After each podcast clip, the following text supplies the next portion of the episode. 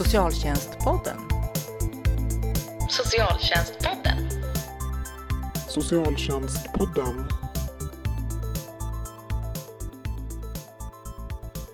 Hej och välkomna till Socialtjänstpodden.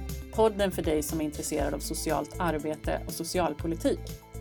Personalomsättning, konsultkostnader, svårigheter att rekrytera är ord som vi ofta förknippar med socialtjänsten idag. Och för att få exempel på hur man kan arbeta med att vända en sån situation så har jag, Josefin Johansson, idag med mig Kristina Eriksson som är enhetschef för mottagningen i Sundbyberg. Välkommen Kristina! Tack så mycket. På många håll i landet så har ju socialtjänsten svårt att rekrytera socialsekreterare och chefer och personalomsättningen och arbetsbelastningen är hög. Hur väl känner du igen dig i den bilden? Från din vardag? Jag känner igen mig i bilden ganska väl. Speciellt eh, 2015 när jag började som enhetschef i mottagningsenheten. Då hade vi både svårt att få ihop eh, den höga arbetsbelastningen som var också över tid och eh, stress egentligen i det i kombination med att det var svårt att rekrytera och att vi hade vakanser. Och förutom det såg vi ett ökat inflöde och vi behövde förstärka upp enheten. Så det var jag ser att det finns svårigheter i det. Och huvuduppdraget där för mig var att skapa goda förutsättningar för socialsekreterare att kunna utföra sitt jobb. För det blir svårt när inte personal finns på plats. Det vill säga att genom olika strategier då försöka uppnå en stabilitet inom enheten. Så du kom in som en ny chef eh, som skulle få ordning på enheten helt enkelt? Ja, ja det var mitt mm. uppdrag. Det var ditt uppdrag. Och det, och det tänker jag det kanske ligger i chefsuppdraget också. Att uh, försöka skapa goda förutsättningar. För personalen att göra sitt jobb. Precis. Vad gjorde du och din arbetsgrupp då för att förändra den situationen? Ja, eh, för att förändra situationen blev en del av huvudfokus att skapa en positiv anda mm. i det mm. tunga. Det var väl det som var utgångsläget. Att förstärka allt det goda arbete vi redan gjorde så att det blev normen istället och se allting som faktiskt fungerar. Så i gruppen arbetar vi då med bland annat att få ordning på basverksamheten. Dels rent med rutiner och processer, att omsätta, men också arbeta med arbetsglädje och hur vi kunde stötta upp varandra vid stress och skapa en teamanda och en feedbackkultur. Och hur gjorde ni det? För det låter ju som saker som är jättebra men hur gör man det när inte alla är på plats och när arbetsbelastningen är hög? Det är ju en utmaning för många idag. Absolut. Jag tänker att eh, man får börja någonstans i det lilla, där man är. Jag tänkte på alltså just att jag hade läst en del om ledarskap innan och sprang på forskning av Simon Elsnäs om att chefer tror att de leder på ett sätt som de inte leder. Bland annat med att ge feedback och återkoppling. Och eh, det hänger ju också ihop med att behålla den personal som finns. Och då behövde jag börja med de som fanns på plats. Att få dem att känna sig Absolut. viktiga så att de inte också lämnar. Precis, precis. och jag fastnar just för det att chefer får de medarbetare som de förtjänar. Och då, ah. då låg det någonting liksom utmanande i det också. Att eh, kunde jag genom mitt sätt att leda skapa en positiv arbetsmiljö, bland annat genom feedback. Så det var någonstans det vi började med. Mm. Att skapa den här feedbackkulturen med, på olika sätt. Eh, och då var det inte bara mellan chef till medarbetare utan också eh, medarbetare till medarbetare och medarbetare till brukare och någonstans en tumregel då att fyra gånger mer beröm än kritik som jag har med mig. Och då är det också, det handlar också om vilken miljö som du trivs bäst i. Vilken utvecklas du inom? Vilken arbetsmiljö utvecklas du inom? Och eh, det är, tänker jag, i en positivare miljö än när det blir den här negativa spiralen. Och hur, jag tänker att jag tror att det är jättemånga som lyssnar på podden som vill höra, ja, men hur gör man det då?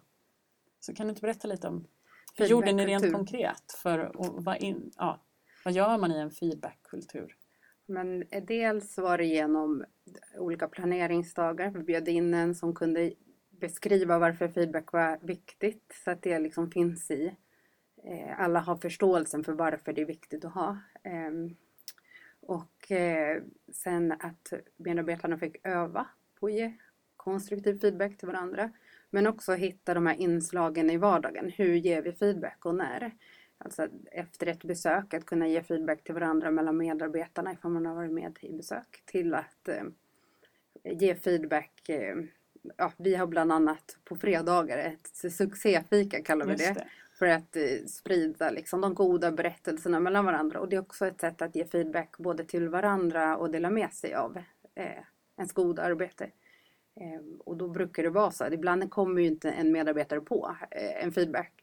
Och då brukar de andra vara rätt snabba på att ge feedback till den. Och det ger också någon form av Ja men det växer i gruppen. Det blir en yrkesstolthet i det också. Att du inte bara för dig själv att du får en feedback utan också du blir väldigt eh, stolt över det sammanhang du ingår i. Och de andra medarbetarna också. Det de. Så det handlar om att man ger varandra liksom en återkoppling på hur man gör sitt jobb? Precis. Varje dag. Ja, och kunna ge också återkoppling på att här blev det riktigt bra. Mm. Eh, och ibland handlar det också om, för det försöker vi också, stanna till att undersöka och utforska. Vad var det som gjorde att just det blev så bra? Och inte kanske eh, ja, men vi försöker bena ut i detaljerna mer vad socialsekreteraren gjorde så bra. Vad var mm. det som den bidrog med för att eh, ja, det blev en förändring? Så varje vecka så får man gå hem och ta helg utifrån och det sista man har med sig är det bra som Exakt. man gjorde själv och som gruppen har gjort under veckan. Precis. Mm. Och hur jobbar ni med feedback då till brukarna som ni möter?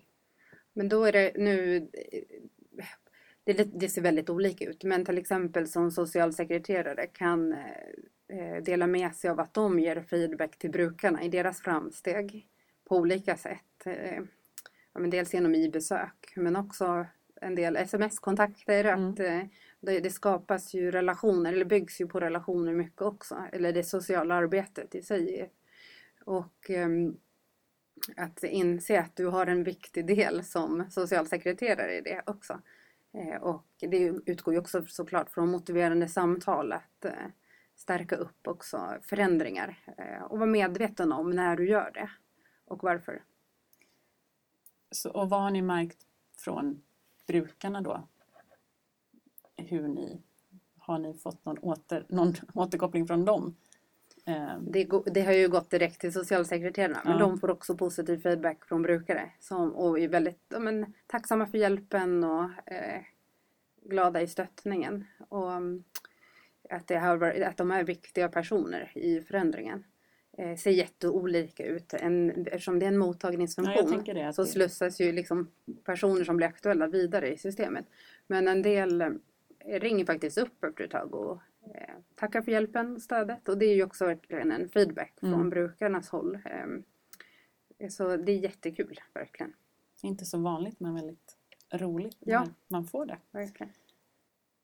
Så, men det låter ju också som att ni har jobbat väldigt mycket med alltså att det är personalen som är delaktig. Det är inte du som chef eller en konsult som har kommit in och, och talat om eh, nu så eh, eller du har, du har sagt vissa saker men det är inte det kommer också mycket ur personalens delaktighet, inte bara ja, uppifrån och ner att nu ska vi jobba så här. Det stämmer bra. Eh, ja, och jag tänker så här, ett, ett mål som jag sa var eh, övergripande mål också att eh, nå en stabil arbetsgrupp. Och eh, jag tänker att det är ju en av vägarna att nå det, att skapa mm. någon form av delaktighet också, att du känner att eh, din kompetens tas tillvara verkligen i eh, utvecklingen av verksamheten. Ehm, jag tänker att eh, som chef är ju dina medarbetare de viktigaste du har. Det är mm. de som möter våra målgrupper i socialtjänsten. Det är de som utför arbetet också, det viktigaste arbetet. Så eh, ja, jätteviktigt att eh, skapa den, det systemet med en mm. delaktighet. Men också att kunna tillåta att eh, jag brukar säga till dem, mina medarbetare att eh, man riktar lite fokus, 80% fokus på det som faktiskt fungerar, hitta möjligheterna, eh, se guldkornen liksom mm. mer. Och 20% ska vi absolut ha till det vi ska vara kritisk mot också i våra verksamheter. Och våga ställa oss frågan om vi verkligen ska göra det här eller ska vi sluta göra vissa saker. Eh, att vara öppen för att ändra våra arbetssätt också. Eh, det tror jag också är en viktig del att, och att få tillåtelse att få pröva de arbetssätten också. Så det är inte bara att lyfta och att allt ni gör är bra utan också att det, ni har med en del som faktiskt handlar om att ni behöver förändras. Absolut, och det tror jag man alltid behöver i eh, den här kontexten. Mm. Alltså att vara öppen för det. Eh, absolut.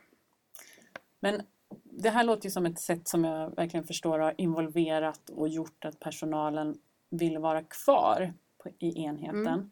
Men hur, eh, för, hur har det lett till att ni har kunnat rekrytera och, och fylla de där vakanserna som ni hade 2015?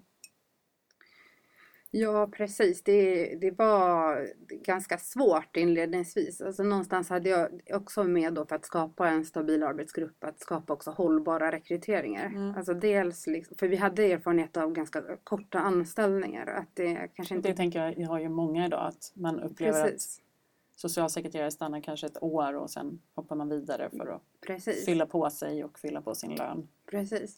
Och då var en del i det med hållbara rekryteringar var att eh, men dels, där, även där fick medarbetarna vara väldigt eh, delaktiga. Men dels att vi hade flera intervjuomgångar. Att eh, också ge en eh, god introduktion och eh, också ha täta uppföljningar med mig som chef. Eh, var också en del att liksom hålla kvar, tänker jag nu med mm. de som kom in. Att, för det behöver inte vara så omfattande. Jag hade, eller haft uppföljningar regelbundet som kanske bara varit 20 minuter, en halvtimme för att stämma av vissa mm. frågor. För ibland kan man inte vet exakt vad den medarbetaren behöver. Men tror du att det funkar bra? Men... Ja. Och sen var det också det ett sätt att eh, fånga upp mm. ganska snabbt justeringar som annars kanske tar fäste och eh, att det blir en, ja, att man känner att inte man har fått den introduktion som man skulle behöva. Eh, och bara stämma av kanske vad är det som fungerar och vad fungerar mindre bra och varför och vad mm. kan vi göra åt det. För det kan vara för, för vissa kan det handla om teknik. Att tekniken stressar för att någonting inte har fungerat. En annan kan handla om en samtalsmetodik. Men att hitta dem där så att man känner att eh, här, här hittar vi lösningar också mm. tillsammans. Eh, men sen också jag tror att en annan faktor är det faktiskt att vi har Eh, alltså när det inte har varit rätt så har vi avvaktat med att anställa också. Att då har ja. vi kört ut nya annonser istället för att fylla på platserna. Eh, det är väl också en del, en lärdom. Att, eh, att de inte det känns som att någon är rätt person ja, att jobba att, i gruppen, då är precis, det bättre att vänta. Precis, och att vara medveten och, eller tänkt till vad är det vi söker? Alltså, vad är det för någonting vi behöver? Och hur förmedlar ni det då i annonserna? För jag tänker att Eh, med tanke på att det verkligen är socionomernas mm. arbetsmarknad just nu så, så kan man ju som socionom vara ganska kräsen med vilket jobb man söker eh, och ställa krav på att arbetsplatsen verkligen lever upp till alla fina ord som ofta står i annonser. Mm. Mm. Vad skriver ni? Ja, vi skriver säkert likt som andra. Eh, men jag försöker förmedla lite att vi har en feedbackkultur mm. tror jag i mellan raderna där och att enheter består av väldigt engagerade medarbetare. För det, alltså jag försöker förmedla den bild jag ser att vi har. Alltså mm. inte försöka eh, göra om verkligheten utan förmedla eh, ja, men som enheten är. Men jag tänker på när vi också har intervjuerna så är medarbetarna med. Då kan ju de också svara på frågor kring ja. det. Och eh, det är ju en väldigt positiv eh, eh stämning i gruppen. Och det tror jag att man känner av när man kommer på intervju också. Att det, är, det här är gruppen jag vill jobba i? Jag tror det. Ja. och eh, det, det, är inte heller så att eh, folk slutar riktigt i, min, eller i den gruppen. Så att man stannar kvar. Så ni behöver inte anställa en? Inte, inte just nu kanske, Nej. men det är klart att eh, det ska ske förändringar också. Ja. Det är ju behöver ju finnas någon form av så att det kommer in eh, nya tankar och idéer också. Men eh, det blir, gör ju också att vi kan jobba med utvecklingsarbeten nu på ett annat sätt. Ni har en stabil grupp. Precis. Mm. Så ni har inga eh, vakanser idag och ni har inga konsulter inne idag? Nej, inte för socialsekreterare. Nej, Nej precis. Eh, men ni har trainees också som ingår i Ja, det stämmer bra. Precis. Vi har, nu har vi två trainees inne Och eh, vi hade en tredje som är anställd nu. Mm. Och en av de här trainees skulle bli klar nu till sommaren så hon också, blir också anställd. Eh, och det är ett jättebra sätt också för oss att eh, ja, både rekrytera men eh, också få in nya perspektiv direkt från Socialhögskolan. Och vi har verkligen haft eh, tur. Vi har fått väldigt ambitiösa socialsekreterare eller socionomstudenter som Mm. kommit in. Så vi har lärt oss jättemycket av dem och tvärtom. Och trainee hos er innebär att man börjar under sin VFU? sin Precis, praktik. efter, efter sin VFU-praktik kan man eh, söka en traineetjänst hos oss och då eh, brukar det vara en gång, i- eh, 20 timmar per månad Mm. som tjänsten är då, en gång i veckan som man är inne. Som vi försöker fylla med olika inslag, allt från utbildningar till ja, men sånt som kan vara till nytta för socionomstudenten. Och det handlar om att få en trygg start på yrkeslivet. Men också kunna gå bredvid erfarna socialsekreterare. Men ni ser dem också som en i gruppen även om Absolut. de är där? Och de får vara med också att komma med eh, idéer på hur vi kan verksamhetsutveckla och bland annat eh, startade en eh, trainee upp eh, informationsträffar på kvällstid för en viss mål, eh, för en målgrupp inom LSS tillsammans med en annan enhet. Att, Mhm. och det var ju också utifrån att eh, hon hade erfarenheter från det tidigare och så vidare. Så det var det finns möjligheter att kunna få testa lite annat. Det måste ju också vara eh, någonting som gör att man växer som ny i yrket, att man får vara med och starta nya verksamheter. Ja, verkligen. Eh, ibland när jag berättar eh, eller föreläser om kommuner som likt eh, din enhet har gjort flera insatser och lyckats vända den här utvecklingen med hög personalomsättning eh, och så. Då får jag som respons att, att man kan först göra någonting när man har fått eh, alla medarbetare på, på plats. Att det, det är först när det börjar fungera som man kan börja utveckla. Um, vad tänker du om det? Ja, jag tänker att, det, att man kan lätt tänka så på ett sätt. Men jag håller ändå inte med. För jag tänker att förändringen eh, ja, men börjar ju där du är.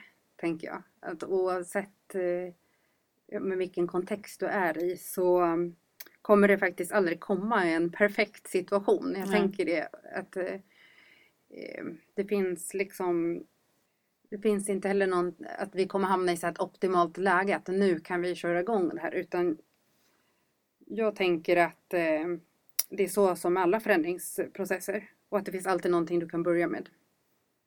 Så, för att det är också så att eh, om man ska kunna attrahera nya medarbetare så, så är ju en del av attraktionskraften att man gör saker för att förändra situationen. Exakt, och jag tänkte, så det jag gjorde när jag började, för det var ju i lite motvind, att jag tog fram en strategisk plan, alltså som var en långsiktig plan på olika sätt att eh, ta sig an det här.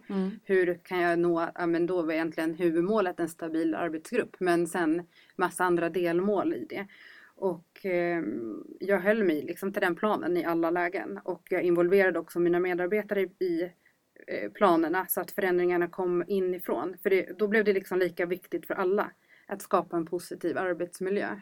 Och ehm, ja, jag tror jag skapade nog en känsla att vi gör det här ihop. Mm. Att det här är någonting vi försöker göra tillsammans. Och dina medarbetare, de har varit helt med på det här och lika engagerade i det här som... Men jag tror det. Jag tror att jag lyckades skapa någon tro på att vi tillsammans kommer faktiskt eh, ordna det här. Även om de också tvivlade stundvis. Att, det- att det blev så här, men nu är vi trött på att du säger att det här är en puckel eller så här, det är ingen puckel, det är så här jämnt. Ja, Till att liksom, okej, nej men nu är vi här. Det gick. Mm. Och det är ju jättekul när vi väl har nått det. Att, eh, men det är klart att, och det gör man väl själv också när det blir ibland så lite motgångar. Men det, jag tror att håll kvar vid det, lita på att det faktiskt kommer att bli bra. Lita på den processen. Om du har lagt, ja, men eh, lägg upp ett grundarbete, en grundplan liksom, Mm. på hur du tror att det här, du ska komma till rätta på det och börja liksom, köra ändå. Men vad hade du, för då låter det som att du har haft mycket stöd också av hela arbetsgruppen, men vad fick du för stöd av din chef? Och av andra chefskollegor? Ja, men av ledningsgruppen har jag fått jättemycket stöd. Ja, Sen har jag också fått en frihet att få testa. ja. Så jag tror Det att det har väl varit... eh, För ehm, och det tror jag är också en nyckel nyckel, alltså få, test, få våga vara ny chef och testa dig fram. För Ja. det är klart att vissa grejer blev så, ah, det här kanske inte blev så bra, då gör vi något annat. Men då stanna till kanske också när det inte blev bra och eh, reflektera kring det. Vad var det som vi ska göra annorlunda nästa gång? Och jag tror att det är mycket att lära sig också av situationer som uppstår. Ehm, och eh, förändra också då. Ehm, du kanske behöver eh, ta fram, alltså är avvikelser på något sätt som till exempel när vi inte kunde hålla utredningstiderna och ehm, att stanna till då vid det. Att ta fram en kortsiktig plan med medarbetarna också och fokusera på vad är det vi, måste, vad är vi ska prioritera. Mm. Men vad är det vi inte kan göra nu? För det är klart att jättemycket är viktigt och jättemycket är kul i det här jobbet. Men ibland kanske vissa saker då behöver skalas bort för att kunna göra alltså, det allra viktigaste och då blir det att ta emot anmälningar till Mm. exempel. Då Medan, blir sam- rättssäkerheten nummer ett. precis, medan samverkan då kanske fick stå tillbaka en stund. Liksom. Men em, det tror jag också är viktigt att faktiskt ta fram det både alltså, så att det är tydligt, skriftligt, konkreta underlag, förslag på åtgärder och driv det vidare. Och även em, kommunicera ut det till de andra enheterna som berörs av er enhet. Mm. eh, Så att man förstår att eh, nu ser läget ut så här. Em, Och då kan man också vila i det som medarbetare.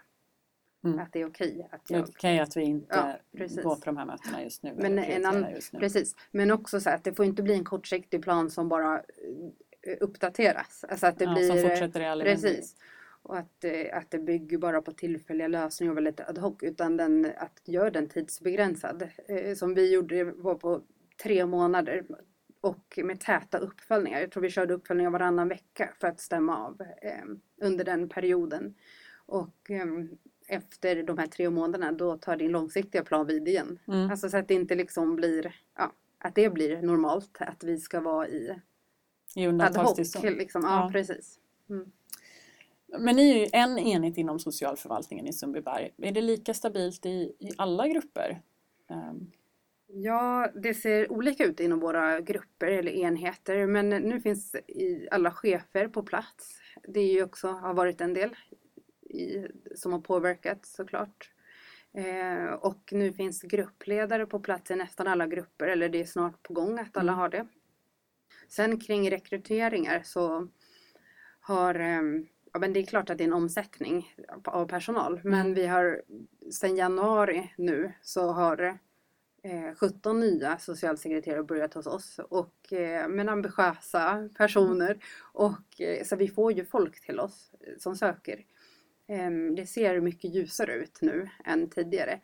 En del enheter har arbetat bort konsulter helt. Mm. En del har kvar. Em, och där finns även planer på hur eh, de ska minskas. För det är klart att det påverkar också hur verksamheten kan utvecklas med konsulter inne. om det är någon som är inne tillfälligt Precis. eller om det Ja. är stabil exakt. personal. Så det ser mycket ljusare ut i de andra enheterna också. Em, Men det, är klart, vi har utmaningar i Sundbyberg också. Ja. Mm. Eh, men hur, eh, jag tänker, du beskriver ju att er grupp har jobbat på det här sättet. Mm. Är det någonting som, eh, som är mer för hela förvaltningen eller är det, är det ni som jobbar med feedbackkultur? Eh, Nej, det är fler enheter som också använder sig av det. Feedback på olika sätt. Eh, och det handlar också om att dela med sig av det man har eh, gjort i sin enhet Mm. såklart. Och sen har det kommit in nya personer som har jobbat på andra sätt. Så man, jag tror att vi gör det på olika sätt i olika enheter. Men, mång, men flera enheter vet jag använder ett AI-förhållningssätt eller appreciative inquiry. Att man försöker eh, utforska de saker som faktiskt fungerar bra. Eh, ja, så det gör man på olika sätt. Och sen eh, tänker jag kring att eh, hur vi stöttar upp varandra också. Vi har gått ut med gemensamma annonser också och vi har hjälpt till varandra vid rekryteringar. mm. Eh, chefer emellan också. Och, Så ni avlastar lite varandra? Precis. Men sen också så här, tänker jag, vi vill ju vara en, en, em, en arbetsgivare som behåller Mm. personal också. Så att du som anställd kan utvecklas vidare i andra enheter också. Att försöka hitta de möjligheterna också. Så att du inte går vidare till en annan arbetsplats för att, för att du vill pröva något nytt. Utan vi Mhm. försöker behålla också.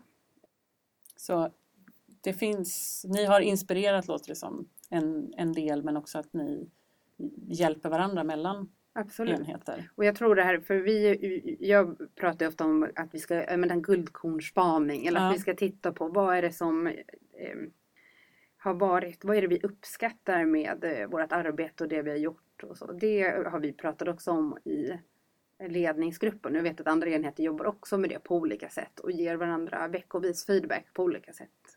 Ehm, så eh, det sprider sig. Det sprider Mm. sig.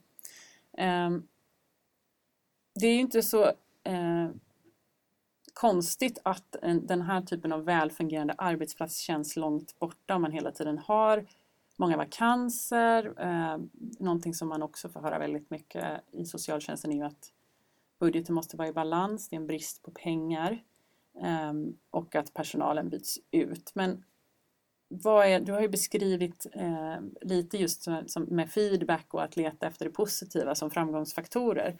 Men vad är ditt bästa tips då till fackliga företrädare och medarbetare och chefer inom socialtjänsten?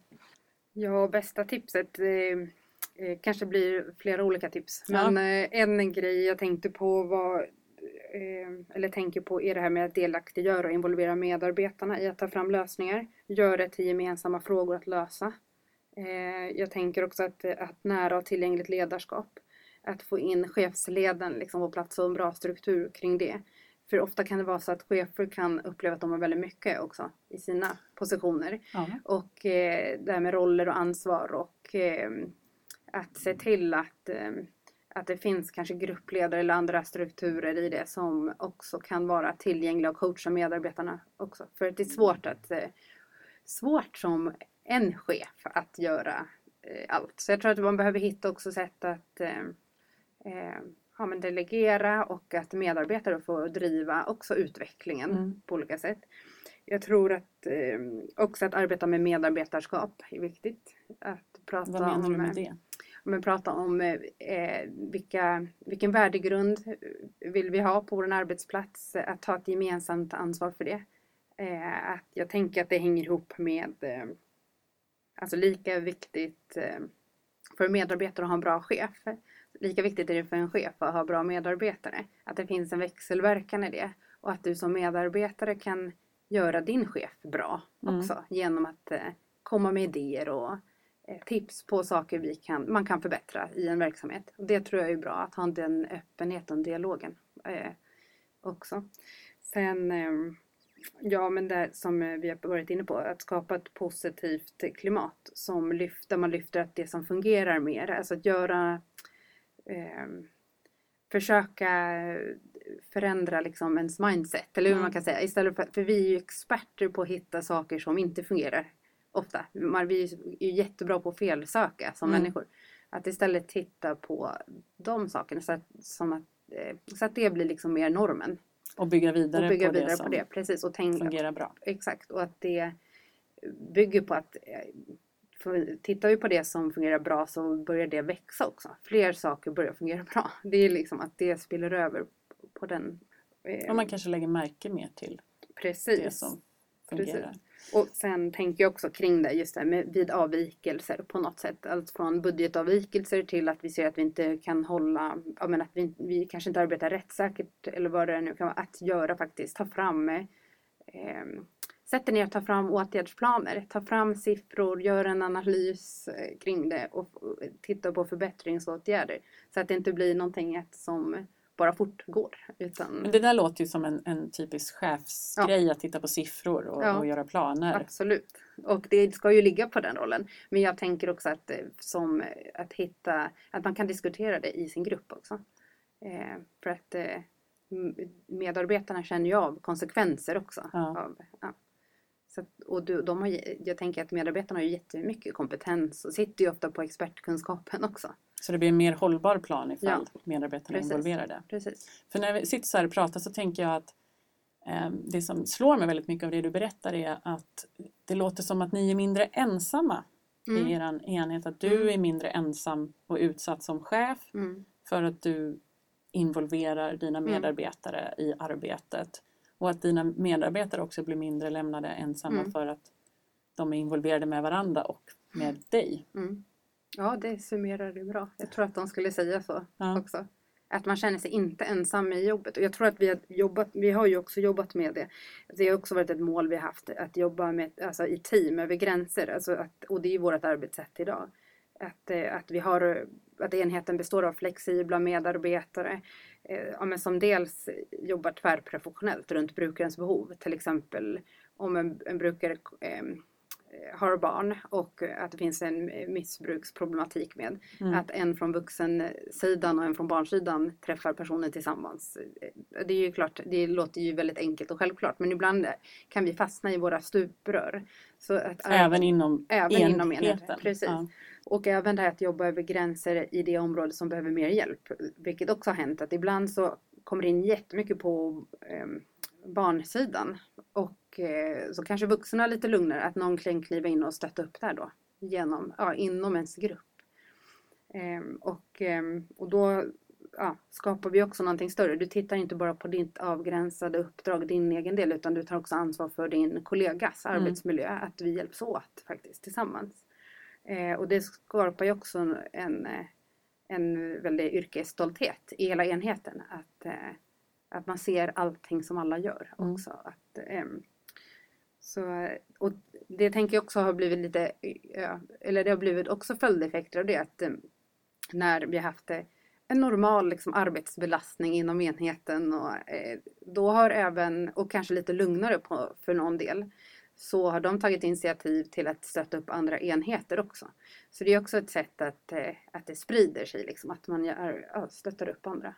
För att bara, ni se... lutar inte tillbaka Nej, bara för att ni har det lugnt. Precis. Utan... Och att också se att de familjer, de brukare, de som kommer in till oss, det är våra tillsammans. Det är inte eh, den enheten utan vi är en socialtjänst. socialtjänst. Vi är en socialtjänst. Mm. Och eh, vi hjälps åt och stöttar upp varandra. Så det, det låter som att ni lite försöker utmana stuprörs Mm.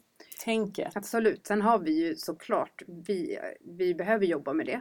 Och jag tror att man behöver jobba med det ständigt. Med, ett, med samverkan mellan enheter. Och, eh, och då har vi kommit olika långt i olika delar. Um, en sak som har lyfts upp senaste året som väldigt viktig för eh, att socialsekreterare ska må bra men även chefer och för att man ska vara engagerad i sitt arbete och vilja vara kvar är ju öppenhet som Vanja Astvik har lyft i, i sina i sin studie av socialsekreterare.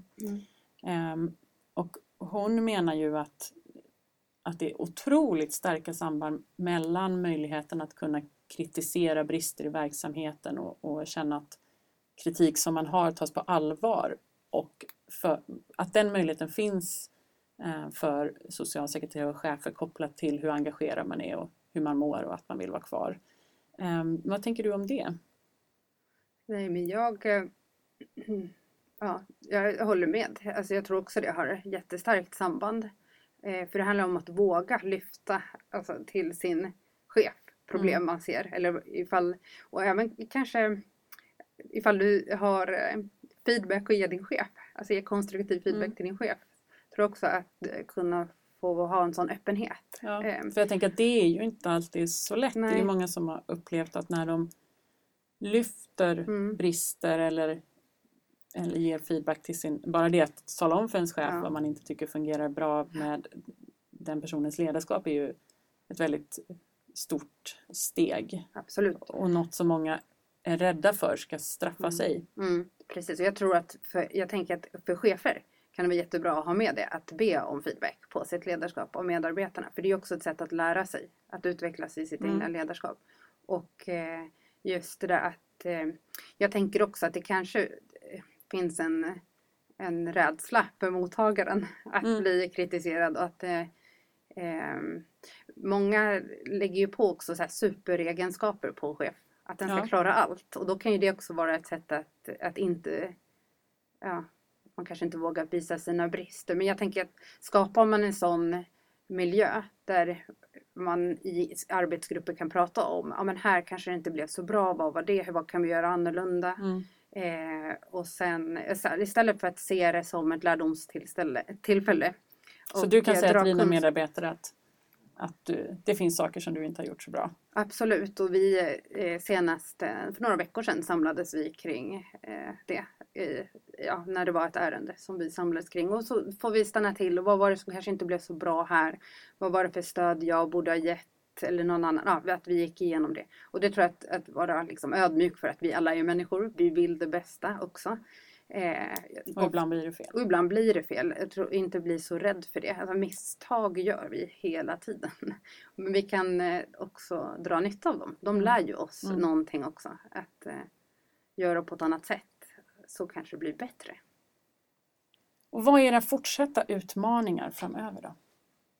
Ja men en utmaning som jag har tänkt på är ju kring ja, men dels hur vi kan konkurrera med konsultfirmor. Ja. Det är väl en utmaning. För överhuvudtaget nu jag tänker jag mer brett, socialtjänsten. Ja. Alltså att det lockar mer än att jobba inom eh, kommuner. Ja, som, att jobba inom kommuner exakt. fast med en privat arbetsgivare. Ja men precis, precis. Och då tänker jag att alltså, någonstans här, att utgångspunkten är ju att socionomer vill ju jobba med socialt förändringsarbete. Det är någonstans där tänker mm. jag utgångspunkten är. Och då behöver vi som kommuner skapa möjligheter att få göra det också. Och jag tänker att, eh, så att det inte liksom, ja, jag tänker att synen på socialt arbete börjar uppluckras lite när man tänker ja, att det här med kontinuitet är viktigt, att relationsskapande är viktigt och att de möjligheterna behöver finnas inom kommuner. Mm. Eh, jag tänker det är en utmaning att skapa de förutsättningarna också eh, för kommuner ja, mm. fortsättningsvis också. Um, det kräver ännu mer utmaning av stuprörs... Ja, och, men det, det handlar ju om det, att erbjuda goda förutsättningar. Alltså både den, från den organisatoriska och ja, sociala arbetsmiljön till att eh, faktiskt få göra skillnad. Mm. Alltså få driva utvecklingsarbeten och få känna att eh, eh men det kan vi. Vi kan ju skapa de möjligheterna eller förutsättningarna också. Men och sen har vi hela Cecilia Greves tidsmätning om att man, Absolut. de som jobbar med barn och unga bara träffar ja, jätte... sina mm. klienter och familjerna en timme om mm. dagen. Mm. Och det är ju jätteviktigt att sånt kommer fram. För det behöver, vi, det behöver man verkligen tänka till på. Hur arbetar vi? Eh, och vad finns det för stöd man kan få i det? Eh, dels liksom, kan vi effektivisera vårt arbete på något sätt så att vi inte sitter och bara dokumenterar mm. eh, och prövar lösningar i det. Så jag tänker som i till exempel i eh, och jag vet att andra kommuner gör det här också, så vi har tagit efter det. Men att till exempel an, som vi använder oss av Science of Safety, att du gör, eh, dokumenterar tillsammans med familjen i besöket och det blir liksom en del av förhandsbedömningen och går in direkt istället för att du går ut från rummet och ska dokumentera det och det tar viss tid. Utan mm. då ser, du gör det, det tillsammans en, med familjen. Och, och det blir också en, mm. en, transparens i det. Och det är någonting vi ja, men, testar nu och har fått jättebra gensvar på. Men det är inte någonting som är fast inom eh, helt i verksamheten än. Men ändå att testa lösningar tror jag också i det. För att och vara medveten om vad vi lägger vår tid på. Mm. Eh, det är ju ja, jätteviktigt att det har kommit fram. Mm, sen tänker jag också på en, en annan utmaning. Hur tar vi tillvara på våra brukares kompetens och erfarenheter? Mm. Det och, pratade i, i tidigare podden så ja. pratade de, eller Camilla med Verdandi just om det. Ja, precis. Och det tänker jag absolut är en utmaning. Alltså vi, går, vi har ju mer en komplexare vardag nu och eh, jag tror det är helt den vägen vi behöver gå inom socialtjänsten också, att involvera brukare i vårt utvecklingsarbete också. För ofta så utgår vi från oss själva i det, mm. när vi utvecklar. Organisationen och Absolut. behov. Mm. Och ähm, ja, precis. Eh, alltså testa olika sätt att medskapa eller testa tjänstedesignprocesser. Och, ja. Eh, jag vill tacka dig så jättemycket Kristina för att du har varit med idag och eh, berättat om hur ni har jobbat med delaktighet och fokuserat på det som fungerar bra både bland medarbetare och hos dig som chef och vad ni behöver jobba vidare med. Väldigt inspirerande. Eh, om två veckor är vi tillbaka med Socialtjänstpodden och då kommer vi prata sekretess i socialtjänsten med socionomen och juristen Therese Fridström Montoya som är postdoktor vid Uppsala universitet. Tills dess så får du gärna fortsätta tipsa dina kollegor, berätta att de kan lyssna på oss Eh, och fortsätt tipsa oss om ämnen som vi kan ta upp. Tack för att du har lyssnat.